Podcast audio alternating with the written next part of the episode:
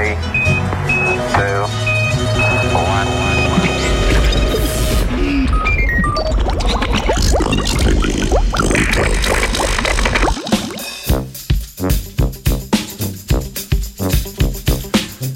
Okrevanje tropskih gozdov.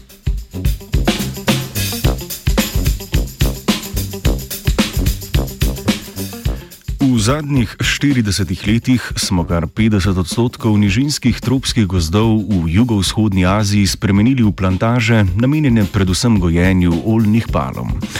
Nastalo škodo fragmentiranih tropskih gozdov se rešuje s procesom naravnega razraščanja oziroma obnavljanja.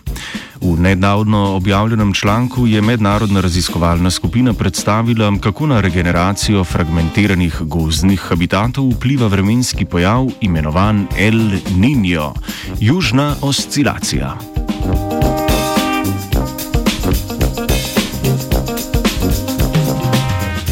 Raziskava je potekala na območju otoka Borneo v jugovzhodni Aziji, na katerem se vpliv vremenskega pojava El Niño, ki se pojavi vsakih nekaj let, kaže kot obdobje večje suše in višjih temperatur.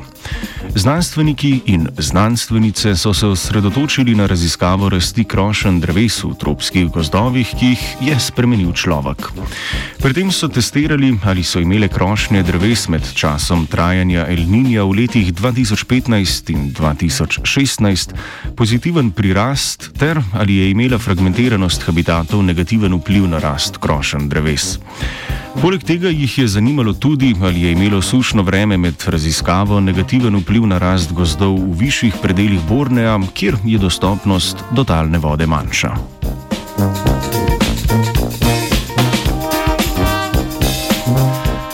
Krošnje dreves so raziskovalke in raziskovalci spremljali z uporabo tehnologije LIDAR, pri kateri gre za metodo pridobivanja informacij o razdaljah s pomočjo laserskih žarkov.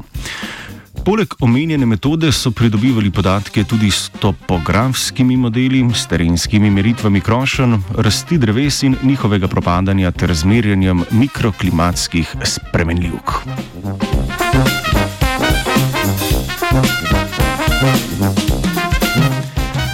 Rezultati raziskave so pokazali, da so obnavljajoči se gozdovi kljub višji temperaturi rasti tudi v času El Niña. Vendar so se posledice tega vremenskega pojava na drevesih kazale kot povečano odpadanje listov, odmiranje krošen, propadanje ter počasnejša rast dreves v fragmentiranih delih gozdov, predvsem tistih na višjih nadmorskih višinah. Izkazalo se je tudi, da je bila rast dreves okrnjena v bližini plantaž oljnih palem. Robni učinek plantaž je imel namreč vpliv na počasnejšo rast in regeneracijo dreves tudi več kot 300 metrov globoko v gozdu. Raziskava je pokazala, da ima fragmentacija habitatov zaradi pridobivanja prostora, namenjenega plantažam, dolgoročne posledice za obnovo tropskih gozdov. Najbolj so ogrožene manjše zaplate gozdov, ki so ostale na višjih predeljih Borneja, saj je zaradi učinka razdrobljenosti in podnebnih sprememb njihovo obnavljanje onemogočeno. Poleg degradacije habitatov pa je potrebno pri regeneraciji tropskih gozdov, kot je že znano, upoštevati tudi sušni vpliv El Niña, ki bo zaradi spremenjenih podnebnih sprememb vedno bolj pogost vremenski pojav.